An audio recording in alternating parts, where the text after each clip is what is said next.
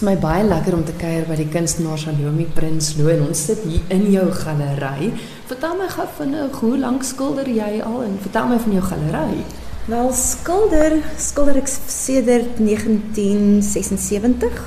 So dis al 'n hele paar jare ek gebore is. en die galery, my eerste uitstalling het ek hier gehad in 2009 toe het my man die area vir my omskep in my eie galery wat bekend staan as Salome Prinsloo Signature Gallery. En soos ek verstaan, hierdie huis het julle twee keer gekoop. Ja, ons het hierdie huis twee keer gekoop. Ehm um, die kinders was nog klein en hulle het oor kan die straat skool gegaan. Toe is my man verplaas Nelspruit toe en ons was daar gewees vir 2 en 'n half jaar en toe hy weer terug verplaas in uh, Pretoria toe. Het ek vir hom gesê gaan kyk net of daai huis nog in die mark is en as jy hom kan kry, koop hom. So die tweede keer het hy die huis gekoop sonder dat ek hom gesien het. Hoekom ek en jy vandag gesels is eh, is eintlik hartseer want jy het baie siek geword. En ek weet aanvanklik het jy vir my gesê dis nie net as gevolg van die kuns nie en jy wil dit ook nie sê nie want dit is baie goed wat bydra ja. daartoe. Ja. Maar vertel gou vinnig vir my wat het wat het gemaak dat jy siek geword het en wat was fout?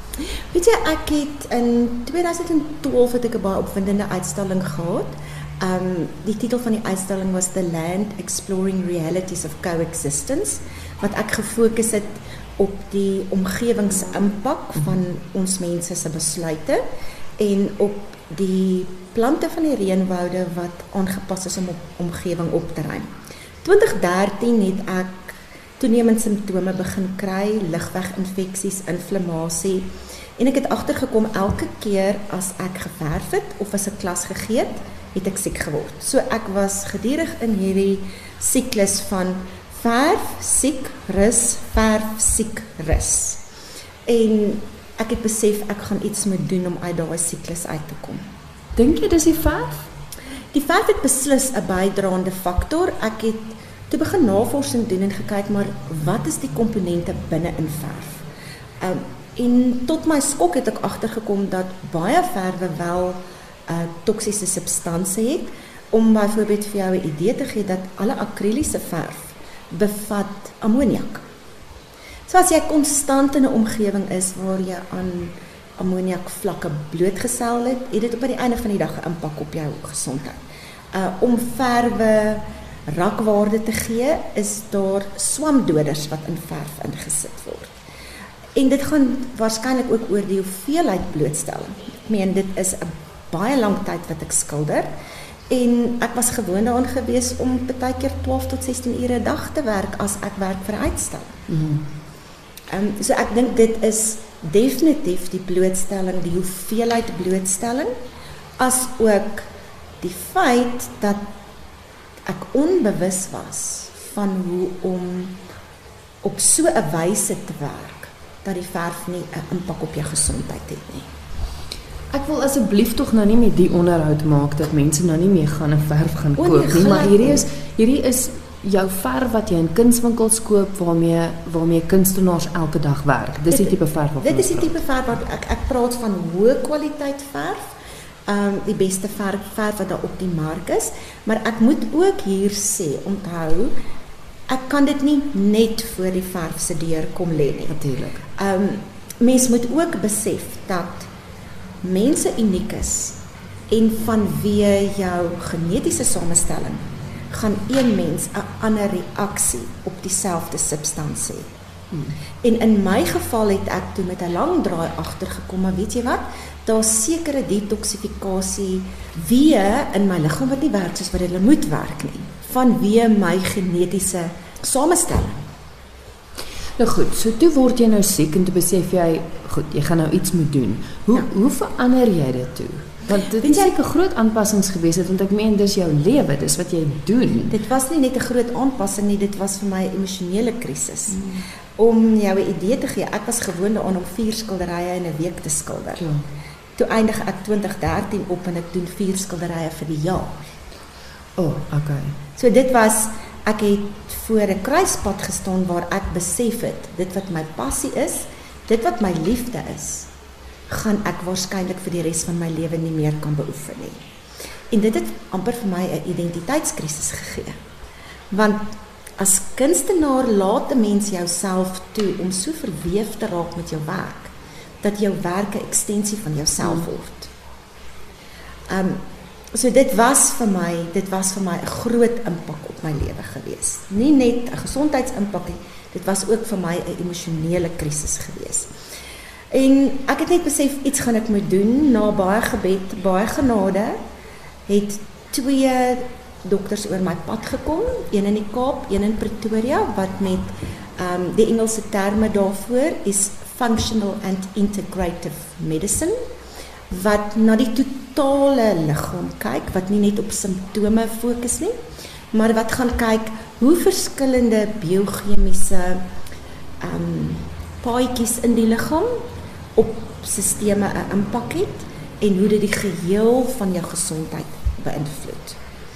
Ek was byvoorbeeld in my soeke na gesondheid by 'n spesialis gewees wat besluit het om my permanent op kortison te sit en dit was nie vir my aanvaarbaar nie. So ek het net besef, weet jy wat, daar moet 'n ander manier wees om hierdie probleem te takel. Goed so jy het uit die aard van die saak vir 'n ruk toe nou nie geverf nie. Ja, Maar besluit dat dit is jou passie, dit is wat jy wil doen. So Ja. jy gaan maniere vind om nog steeds te kan skilder. Ja, ek het besef ek sit met 'n probleem. Ek wil die probleem graag oplos, maar om hierdie probleem op te los, het ek kennis nodig. Ek moet verstaan hoe werk hierdie biochemiese ehm um, die Engelse woord daarvoor is pathways. Ehm um, en daai kennis het ek toe uiteindelik opgedoen deur in te skryf vir ehm um, naturopatiese voedingsterapie kursus.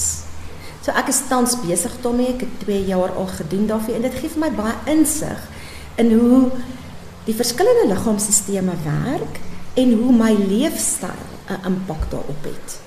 So deur my leefstyl te verander, deur my omgewing te verander, stel ek my liggaam in staat om homself te herstel. Kom ons kyk gou na hoe jy jou omgewing verander het, want jy het my net nou deur jou ateljee gevat waar jy kunsklasse gee en vir my vinnig verduidelik hoe jy jou jou kuns aangepas het by jou leefstyl vandag. Vertel gou vir die luisteraars. Weet jy, um ek het altyd gedink 'n oop venster is ventilasie. Ek het agtergekom dat wanneer ek binne in 'n kamer met oop vensters werk, het ek nog steeds um simptome wat my pla. Ek het begin deur baie goeie waaieruitsuigers in te sit. Um dit het gehelp, maar dit het nog nie die probleem opgelos nie. Uiteindelik het ek besluit om buitenshuis te skilder. Ek het baie goeie filters gekry, filtreermasjien wat die lug skoon maak, wat groot persentasie van jou omgewingsgasse uit die lug uithaal wat dan die lug na my toe voer waar ek buite werk. So die ruimte waar ek werk en waar dan hierdie um gasse vanuit die verf ontsnap affekteer my nou glad nie meer nie. Want jy verf nog steeds met dieselfde verf. Ek verf nog Ja. steeds met die ja en nee. Okay. Ja en nee. Daar was 'n stadium in my soeke om te kyk of ek nie 'n verf kan kry wat nie 'n sensitiwiteit veroorsaak nie en ek wil hierdie so stel dat dit vir my is dit 'n sensitiwiteit, dis nie 'n allergie nie. Mm -hmm. Daar's 'n verskil tussen allergie en sensitiwiteit. Dit is 'n sensitiwiteit wat dan inflammasie veroorsaak. Ehm um, so ek het verf ingevoer. Daar's ek wil amper vir jou sê ek glo nie daar is 'n maak van kunstenaarsverf wat ek nie uitprobeer het nie, maar by die einde van die dag het hulle almal dieselfde bestanddele minder of meerdere mate, maar wat ek wel baie ernstig na kyk is ek werk tans met produkte wat ek wat van Amerika afkom wat baie duidelik vir die verbruiker wys en in eenvoudige taal op die etiket sê hierdie verf bevat 'n substans wat die staat van Kalifornië bewus is wat kanker veroorsaak. So in baie ander verwe is dit uh, baie ander verwe is word dit wel bekend gestel maar met kodes. So die verbruiker kyk na die kode en verstaan nie wat daai kode beteken nie. So hoekom ek hierdie verf verkies is dit sê vir jou in geen onduidelike terme watter van hulle verwe op hierdie stadium is hulle bewus van net 'n gesondheids probleem en watter verwe het nie 'n gesondheidsprobleem nie. So ek het uit my studio, uit my kunstskool uit al die verwe verwyder en al die kleure verwyder wat wel 'n gesondheidsimpak kan hê. So op hierdie stadium maak ek die beste keuse met die navorsing wat daar tans is. Ek wil gou weer terugkom na die lugsuiwering wat jy het in jou Ja. ateljee. Jy staan nou buite en jy het vir my gewys ook dit is so 'n filter wat die lug skoon maak Ja. en dan is daar so 'n silwerpyp wat uitkom en dis 'n masker wat jy op jou Ja, ek, gesig sit. ek né? werk altyd met 'n masker. Ek werk altyd met 'n masker en ek voer dan nou hierdie gesuiwerde lug na my gesigarea toe. En dit is word vasgemaak aan my lyf sodat ek kan beweeg en waar ek gaan, gaan die gesuiwerde lug. Want wanneer ek skilder het ek die hele liggaam nodig om te gebruik. En dan jou studente wat teken met potlood of ink of so, hulle sit binne in die ateljee, maar as daar geverf word hier by jou kunstklas, As- dan doen jy dit buite. Dan doen ons dit in die buitelug ateljee waar daar waar hulle onderdak verf, maar dit is reg rondom oop sodat daar baie goeie ventilasie is. So in so 'n mate beskerm jy jou kunstenaars, maar ek en jy het gepraat ook oor die feit dat jy beskerm ook die natuur. Absoluut. Ja. Baie belangrik vir my deur die keuse te maak, ekskuus tog om met um veilige in aanhaling- aanhalingstekens verwe te werk, maak ek seker dat daar in die waterstelsels nie toksiese verf beland nie. Ek probeer ek om so ver moontlik verf te laat droog voordat ek dit weggooi om nie water met verf in in die waterstelsel af te gooi nie, maar om die water te laat verdamp mm -hmm. en op daai manier gooi jy die raak jy ontslaaf van die verf in 'n vaste stof. Jy het ook vir my gewys dat waar jy staan in verf is daar 'n boom, treurwilger dink ek het jy Dit dit gesê? is 'n treurvy. 'n treurvy. Treurvy, dit is een van die 50 plante wat 'n NASA navorsing opgedoen het wat uit die reënwoude uitkom en aangepas is om in die reënwoude gasse uit die atmosfeer op te uit te ruim. So binnenshuis, ek praat onder korreksie, kan die regte hoeveelheid plante tot die regte hoeveelheid vloeroppervlakte tot 87% van jou binnenshuis se toksiese stowwe uit die lug uit opruim. So jy het 'n klomp plante en ek moet vir die luisteraar sê is regtig baie plante in en om jou huis wat dan help om hierdie want jy bly baie naby aan 'n besige straat ook en Ja. jy jy bou 'n groen muur om al daai gasse ook op te vang. Dit maak dit maak 'n sekere verskil.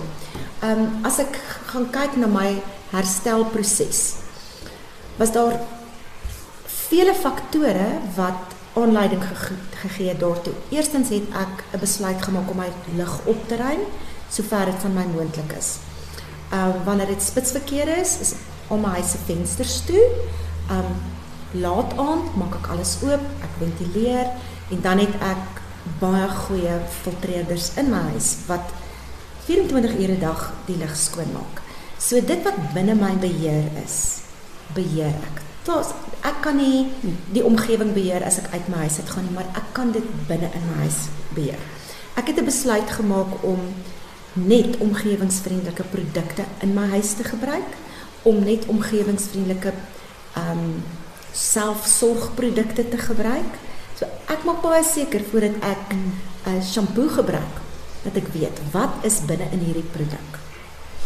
Ek gesels met die kunstenaar Salome Prinsloo. Ek kuier hier by haar in haar galery en ons het gesels oor die feit dat sy siek geword het, eintlik as gevolg van haar kuns in aanhalingstekens.